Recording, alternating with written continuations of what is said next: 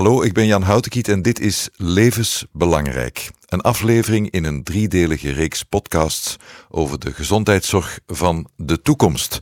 Een podcast die, net zoals het gelijknamige boek, een blauwdruk wil maken voor hoe die gezondheidszorg er morgen moet uitzien. Die moet anders zijn, die moet eigentijdser, positiever, technologisch vernieuwend, financieel haalbaar en toegankelijk zijn. En dat heb ik zelf niet verzonnen. Dat heeft Geert wel eens voor mij gedaan. Geert, goeiedag. Goeiedag. Jij uh, bent medeoprichter van uh, Triginta. Jij hebt dit boek geschreven, dat heet Levensbelangrijk. En je bent medeoprichter van Triginta. Wat doet Triginta precies? Triginta is een vastgoedbedrijf dat zich uh, specialiseert in de herontwikkeling van religieus vastgoed. Hè. Dus daar is heel wat werk in te doen vandaag. dat de zorginfrastructuur van de toekomst probeert te bouwen. En elk woord in die zin is belangrijk.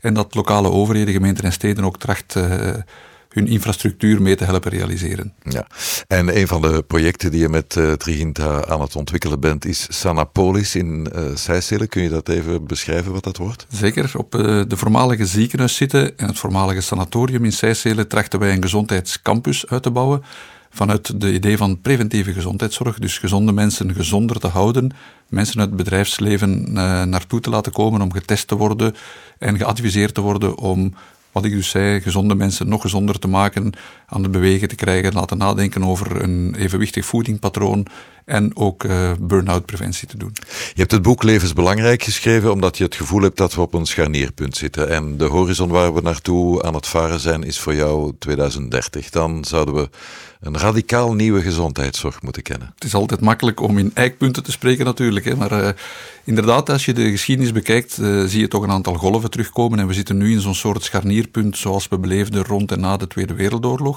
De maatschappij is in verandering. Ik denk dat iedereen dat wel intuïtief ook uh, aanvoelt dat we voor een aantal belangrijke wijzigingen staan. En ook in de gezondheidszorg, net als wat er in de muzieksector gebeurd is, in de financiële sector aan het gebeuren is, staat de gezondheidszorg voor een grondige omwenteling. Mm heeft te maken met de technologische revolutie, heeft ook te maken met de verwachtingen van de patiënt of de consument die het gaat worden ook.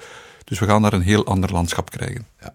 Je hebt voor het boek rond jou een tiental uh, experts verzameld, mensen waarmee je in gesprek bent gegaan. Mensen uit uh, diverse hoeken, diverse profielen, diverse competenties. Ik noem een Mark Noppen, een Lieven Annemans, een Leo Neels, een Thierry Geerts voor het hele digitale verhaal, dat een belangrijke rol zal spelen, ongetwijfeld. Karel van Eetveld.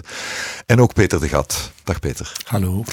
Peter, uh, we kennen jou uh, van 2017, want dat is het jaar waarin je afscheid genomen hebt van de zorgkoepel Zorgnet Icuro, waar nu Margot Kloet jou heeft opgevolgd. Absoluut, ja. Daarvoor heb jij een, een lang traject op kabinet als personeelsdirecteur van het UZ in Leuven, algemeen directeur van het AZ Sint-Lucas in Gent. En je bent natuurlijk de zorg blijven volgen. Je hebt nog diverse bestuursfuncties. Jawel. Wat, wat zijn voor jou in de gesprekken die je met Geert daar rond hebt gehad, wat zijn eigenlijk de, de, de grote behoeften die in onze gezondheidszorg bestaan en zullen blijven bestaan. Ja, wat je ziet gebeuren zijn eigenlijk twee tegenstrijdige tendensen. Je ziet enerzijds, en de mensen weten dat, de evolutie van de geneeskunde die gaat meer en meer naar subspecialisatie. Waar is de tijd dat er een, de cardioloog van het ziekenhuis was?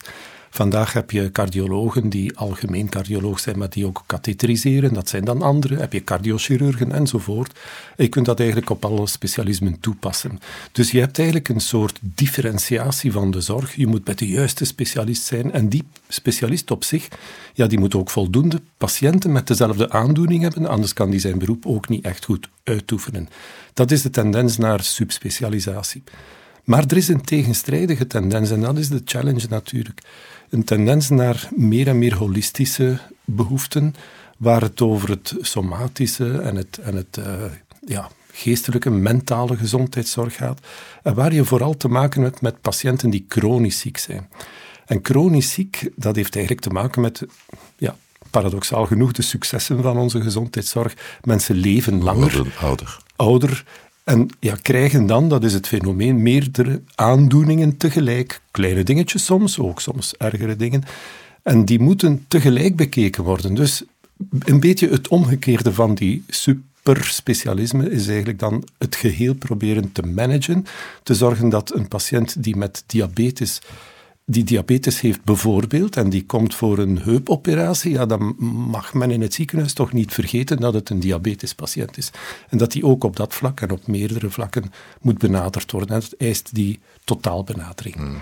En dat eist dus dat je op die plekken waar je die chronische zorg uh, verleent, dat je daar ja, multidisciplinair denkt, maar dat je tegelijk uh, op bepaalde plekken heel gespecialiseerd, dat je daar eigenlijk expertisecentra maakt. Ik denk maar aan Aalst, dat uh, met dokter Brugade daar toch een bepaalde reputatie heeft opgebouwd. Hè? Absoluut, dat zijn de, de goede voorbeelden.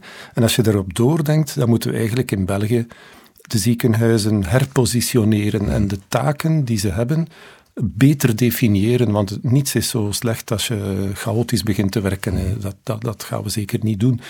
Dus wat is de ene oefening? Dat is zorgen dat uh, ja, het aanbod toegankelijk blijft voor een heel grote populatie die de basiszorg nodig heeft en die die integrale benadering nodig heeft, gaande van de huisarts naar de thuiszorg, naar het ziekenhuis. Het ziekenhuisverblijf wordt toe langer hoe korter ook. Hè. Twee, drie dagen verblijf is eigenlijk normaal. Dus die samenwerking met die eerste lijn is absoluut noodzakelijk. En de tweede, tweede element van organisatie is dat we de echt superspecialistische zorg, dat we die gaan concentreren en nog veel meer dan vandaag het geval is.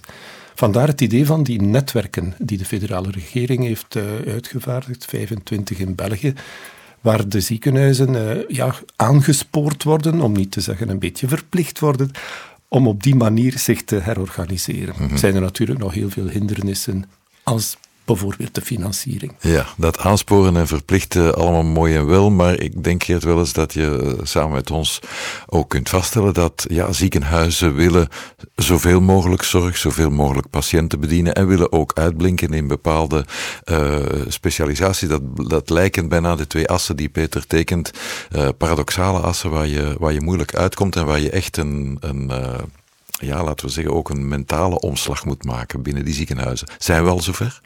Wel, we gaan in elk geval die richting uit. En corona is uh, hier geen uh, oorzaak, maar eerder een versneller geweest van een aantal tendensen.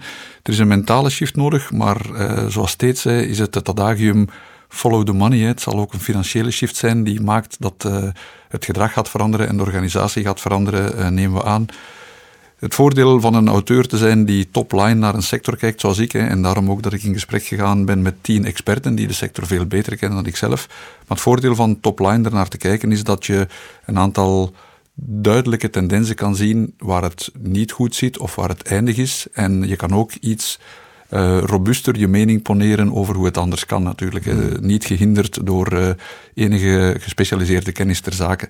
En dan zien we daar dat het financieel model eigenlijk tegen zijn grenzen aanbotst. Dus de financiering van onze gezondheidszorg noopt tot behandelen en uh, maakt weinig plaats voor de preventieve gezondheidszorg. Mensen gezond houden en gezonder maken. En daar zit eigenlijk een eerste actiepunt in. Ja, en als die financiering tegen, tegen zijn plafond aan zit, dan uh, denk je natuurlijk meteen aan de betaalbaarheid van die zorg. Die zorg moet betaalbaar blijven voor zoveel mogelijk mensen, Peter de Gat. Absoluut, en uh, dat is de, eigenlijk wat Epic Jordan, dat is de grote bazin van de Wereldgezondheidsorganisatie, die zegt, ja, wat we eigenlijk doen is radar care. Wij, wij krijgen een patiënt op de radar, we doen daar iets mee en dan verdwijnt die terug van de radar. En dat is niet goed, zeker niet voor chronisch opvolgen van, van patiënten. En wij beperken de financiering ook tot het moment dat die patiënt op die radar verschijnt. En dan is hij ontslaan en dan is hij genezen verklaard. Voor een gebroken been klopt dat, maar voor een chronische ziekte niet. Vandaar dat men moet denken aan financiële modellen die eigenlijk meer op een parcours geënt zijn, die, die ja, doorheen de verschillende stadia die patiënten doorlopen, eigen impulsen geeft om, om ervoor te zorgen dat je zo lang mogelijk gezond blijft, dat je preventief en proactief gaat werken en niet wacht tot het moment dat je op de radar verschijnt. En dat parcours is een levensloop, vandaar de titel levensbelangrijk. Dat, parcours waar je over spreekt is eigenlijk de absoluut, verloop van een leven. Absoluut, het is het, uh, het leven van de mensen en dankzij technologie, dankzij data, dankzij uh, ja, elektronische medische files en zo, weet men meer en meer en kan de patiënt zijn eigen dossier samenstellen en volgen. En wordt de financiering hopelijk dan ook zodanig herdacht dat de juiste prikkels worden gegeven. Want nu krijgen we financiële prikkels om mensen te verzorgen die ziek zijn. Eigenlijk zou de bedoeling moeten zijn dat we een soort bonus krijgen om mensen gezond te houden. Hm. Dus dat, dat curatieve, hè, wat eigenlijk zorginstellingen doen, uh, zorg verstrekken, je moet eigenlijk ook er alles aan doen om het niet zo ver te laten komen. En dus ga je naar een, ja, een gemengd model van wat jij in het boek ook noemt de gezondheidscampussen. Absoluut. Hè. Er is inderdaad goed nieuws en slecht nieuws over dat financiële. Hè. Het boek is zeker niet problematiserend. Hè. Het boek is oplossingsgericht. Als je nu kijkt, eh, is ongeveer 10% van ons bruto nationaal product dat naar de gezondheidszorg gaat. Een bedrag dat ook eh, zeer snel stijgt, ook demografisch bepaald. Dat is onbetaalbaar. Dat is een, een bouwde uitspraak, maar ik denk dat dat wiskundig ook te onderbouwen is. Het goede nieuws is dat we met een aantal versnellers zitten die maken dat de gezondheidszorg even kwalitatief en toegankelijk kan blijven en veel betaalbaarder wordt. En dat heeft dan te maken met de invloed van de technologie. De communicatietechnologie maakt afstandsgeneeskunde mogelijk. Wearables gaan mogelijk maken dat mensen veel van op afstand gevolgd worden ook. En de biotechnologie maakt uh, versneld heel wat ziekten van acuut naar uh, chronisch en behandelbaar, beheersbaar uh, bijvoorbeeld. En de preventieve gezondheidszorg maakt dan ook dat we onze gezondheidszorg veel minder gaan belasten met zieke mensen, maar dat we gezonde mensen gezonder gaan maken en daardoor minder financieel belastend maken voor onze maatschappij. Ja. Die technologie gaat onvermijdelijk en is nu al uh, stilaan deel aan het uitmaken van ons leven. Daar hebben we het in een andere podcast ongetwijfeld met uh, Mark Noppen nog over hoe die toekomst er zal uitzien. Natuurlijk, die digitale kloof, die speelt vandaag de dag nog parten om die technologie ten volle te kunnen inzetten. Absoluut. Hè. Dus het is niet altijd toegankelijk, zeker niet voor een oudere populatie, maar anderzijds wordt het ook meer en meer intuïtief. Uh, de, eerste gsm's waren toch moeilijker dan je vandaag. Vandaag kan over heel de wereld iedereen uh, met het toestel omgaan. De meeste sensoren en, en uh, allerlei wearables die men bedenkt om patiënten op te volgen, op afstand ook, ja, die, die zijn eigenlijk heel gebruiksvriendelijk. En die moeten ook een erkenning doorlopen eh, in ons land. Er zijn er al een, een vijftal ook erkend. Dus dat gaat toch echt wel de goede weg op. Hm. Je kunt eigenlijk veel makkelijker thuis uh, ja, dit soort uh, oefening doen. Denk aan, aan mensen die vroeger iets met hun hartaandoening hadden. Die moesten naar een ziekenhuis en die moesten daar 48 uur opgenomen worden om hun hartritme te meten. Een Holter-test heette dat toen. En vandaag zijn dat eigenlijk heel eenvoudige toestelletjes die je gewoon thuis kan dragen, 48 uur, het wordt op afstand gemonitord. Dus het zijn allemaal toch wel gemakkelijke, laagdrempelige en inderdaad, Geert, betaalbare uh, oplossingen. Eigenlijk goedkoper dan, dan de vroegere geneeskunde.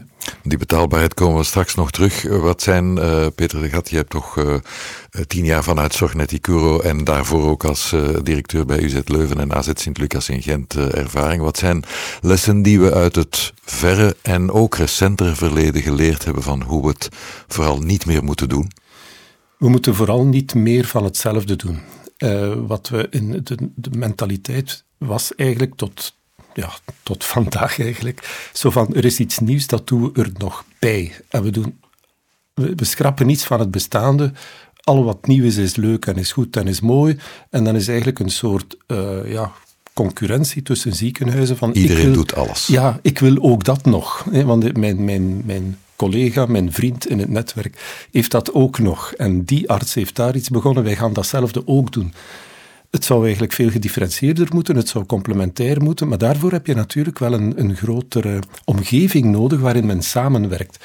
En die wil is er. Ik kan u verzekeren, bij de directies eh, en bij de besturen van ziekenhuizen is de wil er om samen te werken, om complementair te gaan. Maar het is bijzonder lastig als je ja, die financiële prikkels telkens in de verkeerde richting uh, ziet gaan. Hè. Mhm. dat, ja, dat je ziet dat dingen beloond worden waar je eigenlijk zegt van dit gaat richting overconsumptie, dit is dubbel gebruik, dit is niet meer echt nodig. En dat is vandaag nog uh, te veel aan de orde. Ja, wat men dan noemt de programmatie, het moeilijke woord. Hè. Dat is eigenlijk de regelgeving om, om te zorgen dat iets nieuws er komt. Ja, dat loopt toch niet echt uh, op een vlotte manier. Men zou veel, veel meer voorrang moeten geven aan, aan, aan zaken die... Uh, kostenbesparend en preventief en proactief en predictief zijn. Mm dus eigenlijk ontmoedigen, die overconsumptie ontmoedigen, of anders gezegd, stimuleren waar men zich specialiseert of zich uh, profileert. Ja. Uh, jij zegt ja, op, op het niveau van het management uh, begint dat door te dringen. In welke mate, Geert Welles, ik weet niet in welke mate je ook contact hebt gehad, dringt dat ook door tot ja, het hele team en, en de artsen en de specialisten zelf? Ja, daar dringt het denk ik ook door. Mensen zijn zeer intelligent hè, in, ziekenhuizen, hoogopgeleide mensen die ook willen zien hoe het anders moet. Maar er is natuurlijk de, de rem van de financiële structuur, uiteraard. Niemand doet graag zaken tegen zijn eigen portefeuille, zijn eigen financieel belang. Dus we moeten daar komen tot een ander systeem, waarbij misschien de, de incentives moeten uitgaan van de overheid, maar waar ook, denk ik, het bedrijfsleven een heel belangrijke rol speelt. En daar speelt dan de ijzersterke wetmatigheid van het welbegrepen eigen belang. Hè. Als uh, werkgevers hun mensen, hun populatie gezonder kunnen houden, gezond kunnen houden en nog zonder kunnen maken, dan geeft hen dat direct een financieel voordeel hè, en minder ziekteverzuim enzovoort. Dan geeft dat ook de overheid een voordeel en dan geeft dat onze hele maatschappij een groot voordeel. Dus ik denk dat daar de start ligt.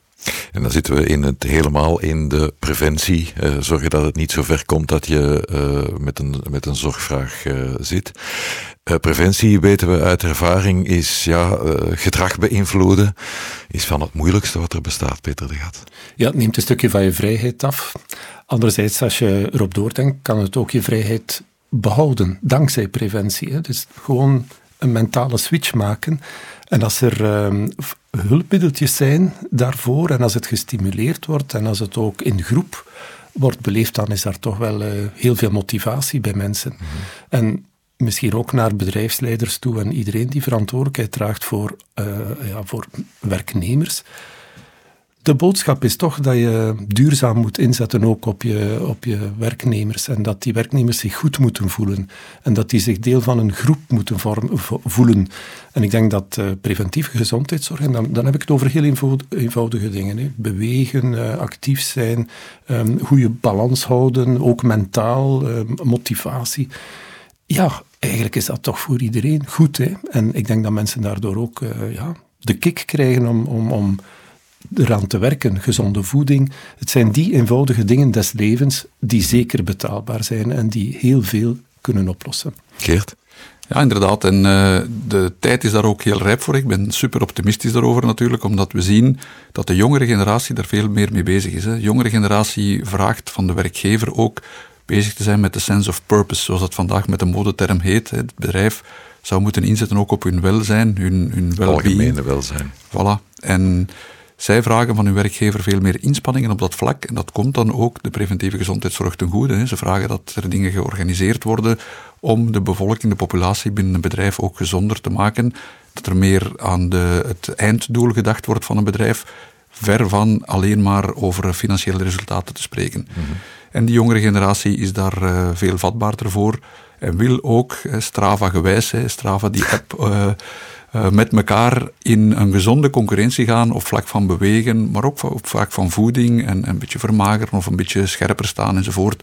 Dat zijn zaken die bij hen allemaal heel natuurlijk zijn en die voor de generatie van mezelf uh, wat uh, onwezenlijker waren. Dus een Strava-abonnement in het bonuspakket van elke werknemer. Absoluut. Ja, voilà. Ik weet niet of iedereen het daarmee eens zal zijn, Peter. debat, debat. We gaan ook veel meer weten. Dus dankzij toenemende kennis van, van genetisch materiaal enzovoort, ja, gaat, gaat men ook wel proactief al zeggen, ja, je bent iemand die toch wel wat meer daarop moet letten. Dat gaat niet altijd leuk zijn, maar het zal veel kommer en kwel voorkomen. Er is een dus aspect die, privacy aan ook, hè? Ja, de privacy is uiteraard naar die persoon toe. Dat is dan de medische relatie die erop moet letten dat die privacy gegarandeerd blijft. Mhm. Maar de gepersonaliseerde geneeskunde, ja, die komt eraan. Dankzij dataverwerking, dankzij heel veel kennis ook van, van genetica, ontrafeling van DNA enzovoort. Dus het, het komt eraan om te zeggen, ja, in, in jouw geval moet je meer en meer op die dingen letten. Ik uh, probeer je even naar de toekomst te laten kijken. We doen dat in een andere aflevering van deze podcast ook met uh, Mark Noppen. Maar spreken we in 2030 nog van een ziekenhuis, Peter? Ik hoop dat het een gezondheidscampus wordt en ik hoop dat het een technisch platform wordt dat volledig geconnecteerd is met de omgeving van andere zorgverstrekkers Zorgverstrekkers in de revaliderende zorg, in de preventie, in de thuiszorg, de huisartsen, de eerste lijn, alle actoren, de apotheek om maar iets te noemen, gezonde voeding. Dit moet eigenlijk één platform worden, maar dat hoeft niet noodzakelijk op één plaats te zijn. Dit kan ook heel virtueel met elkaar verbonden worden. Maar het centrum en het uitgangspunt moet zijn, wat is goed voor de patiënt? En waar kunnen we die patiënt mee vooruit helpen? En het zal zeker zo zijn dat het vroegtijdiger in het proces moet beginnen. Dat is eigenlijk de kern van de zaak. Zal dit, uh, zal dit haalbaar zijn in tijd? We spreken over minder dan een decennium. En zal dit haalbaar zijn financieel? In een andere podcast gaan we het dus hebben over het Belgisch besluit, besluitvormingsmechanisme. Um, dus daar zal toch wel uh, snelheid moeten gemaakt worden, laat het mij beleefd zo uitdrukken. Mhm. Er zijn daar heel veel belangengroepen die belang hebben dat er niets verandert. Dus er uh, zal wel wat moeten gebeuren. Dat is niet zo'n optimistisch beeld. Uh, ja, ik ben, denk dat Peter ook optimistisch is en, en ik zelf ook. Hè, geldstromen gaan veranderen, hè, dat, daar begint altijd alles mee. Weer eens een keer follow the, money en dan verandert het landschap. En ik denk dat we heel snel onze voordelen erin gaan zien. Een ziekenhuis van de toekomst zal, eh, wat Peter zegt, terecht meer een gezondheidscampus zijn. Het zal er ook architecturaal anders uitzien. Hè. Ik spreek over, simplistisch gezegd, uiteraard vier muren en een dak, heel flexibel in te vullen. Ook veel meer kleurrijk, open en met lichten, meer op een hotel gelijkend eh, dan eh, op een, wat negatieve, eh, stigmatiserende instellingen of, of, infrastructuur. En dan komen we terug, denk ik, naar waar het allemaal begonnen is. Hè, waar hospitaal komt van hospitality, hè, van mensen ontvangen. Duizend jaar geleden ongeveer begonnen in onze contraien. En dan komen we daar, denk ik, terug in de buurt. Namelijk waar mensen opgevangen worden, goed verzorgd worden, maar vooral ook kunnen werken en advies krijgen rond hun gezondheid uh, om niet ziek te worden vooral. Mm. Uh, we willen dit ten allen prijze en betaalbaar en ook sociaal houden. Dat wil zeggen dat de beeldvorming van wat vandaag een ziekenhuis is, soms ja, lijkt dat een beetje, uh, je bepaalde, je kent ze ook, Peter, grote ziekenhuizen die, die bijna inneembare of niet inneem, moeilijk inneembare burchten lijken. Dit, ja, dit is een grondige omslag toch? Ja, absoluut. Maar we hebben toch gekozen voor het universalisme, zoals men dat noemt. We willen eigenlijk voor alle patiënten goede zorg aanbieden. En dat is ook, als je erop nadenkt, de beste formule. Je kunt niet twee soorten ziekenhuizen gaan uit. Ziekenhuizen voor rijke mensen en ziekenhuizen voor mensen die de centen niet hebben. Mhm dat is voor niemand goed. Dat is ethisch niet verantwoord, maar dat is eigenlijk ook economisch niet verstandig. En ook wetenschappelijk niet, omdat je dan de pathologie opdeelt, dat is ook niet goed. Dus in feite, dat universalisme moet het uitgangspunt blijven. En het moet toegankelijk blijven voor iedereen. En ik hoop dat het uh, laagdrempeliger wordt, ook in, de, in het aanschijnen van de gebouwen, zoals je uh, concreet beschrijft, Geert, dat het ziekenhuis een meer uitnodigende plek wordt, omdat het niet enkel op het moment is dat je ziek bent, dat je daar komt. Mhm. Vandaag is dat gelukkig ook zo als je een bevalling, als je vader wordt of moeder wordt. Maar ja, je, je, moet eigenlijk die preventie integreren in die aanpak. En dan gaan dat gewoon allemaal kleine stapjes zijn die logisch op elkaar volgen. En last but not least, het verschil zal altijd gemaakt worden door mensen. Mensen die warme zorg geven, um, mensen die uh, to care about, de mensen die om mensen geven, ondanks heel ons verhaal van technologie, zal de menselijke warmte toch nog heel belangrijk zijn. Gaat dat om terug te komen op de organisatie van onze zorg? Als je die omslag kunt maken, gaat dat het beroep van de zorgkundige, verpleegkundige, arts, uh, gaat dat dat ook terug valoriseren en aantrekkelijker maken dan? Ik denk het wel. Ik, ik ben er eigenlijk van overtuigd dat uh, ja, die, die nieuwe componenten, dat dat jonge mensen aanspreekt en dat het ook andere profielen zullen zijn. Dat we een veel diverser portfolio gaan hebben van, van jobs en taken en functies die, uh, die iedereen zo wat kunnen interesseren, die meer technisch gericht zijn, maar andere die meer zorgend gericht zijn of ondersteunend gericht zijn of psychologisch ondersteunend. Dus je hebt eigenlijk wel een hele panoplie van, van functies in dat brede verhaal van, van gezondheidszorg, waar het ziekenhuis een component is, maar zeker niet het, het dominante wat het nu een beetje is. Hmm. Ik kijk toch nog eens naar de horizon 2030, die ik heel ambitieus vind, maar het is gezond om af en toe grote ambitie te hebben. Geert Welles, je hebt uh, de tien gesprekken gehad met de experts. Heb je uh, de indruk dat de geesten zullen bij hen al wel om zijn, maar dat de geesten op het veld ook al mee zijn? In ja, het verhaal? De geesten op het eh, veld beginnen te rijpen. Nog eens een keer, corona is een versneller geweest. Hè. Denk maar aan afstandsgeneeskunde, hè, dat tot een dik jaar geleden bijna onmogelijk en onbespreekbaar was, is momenteel dadelijk al ingeburgerd. Dus daar gaan we echt wel naartoe. Ik denk de jongensslag is gemaakt. Het, uh, proces van de fysica maakt natuurlijk dat een lichaam in rust in rust wil blijven. Hè. Het duurt een tijdje voor het in beweging komt. Maar zodra het in beweging komt, gaat het ook uh, vrij snel. En ik ben zeer optimistisch over de technologie vooral, omdat die, we spraken daarnet over de, de band tussen uh, zorgverstrekker en patiënt of, of, klant dan in de toekomst. Ik denk dat die inniger wordt. De technologie maakt dat we heel wat tijd, administratieve tijd van artsen en specialisten gaan wegnemen en gaan kunnen besteden aan het persoonlijke contact met de klant. Technologie lost wat dat betreft veel op, maakt onnodige verplaatsingen overbodig enzovoort. Dus het, eh, het gaat snel gaan, de geesten rijpen en ik denk dat 2030 echt wel een haalbare datum wordt.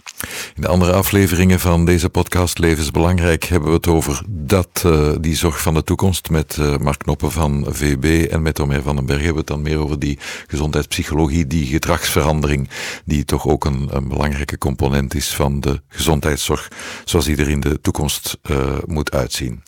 Dit was Levensbelangrijk, een podcast naar aanleiding van het boek dat Geert Welles gemaakt heeft over de gezondheidszorg van de toekomst en waar we een blauwdruk willen maken van die zorg van de toekomst. Meer erover uiteraard in het boek. Het is uitgegeven bij Pelkmans en nu overal verkrijgbaar. Dank u wel, Peter de Gat. Dank je wel, Geert Welles. Dank u.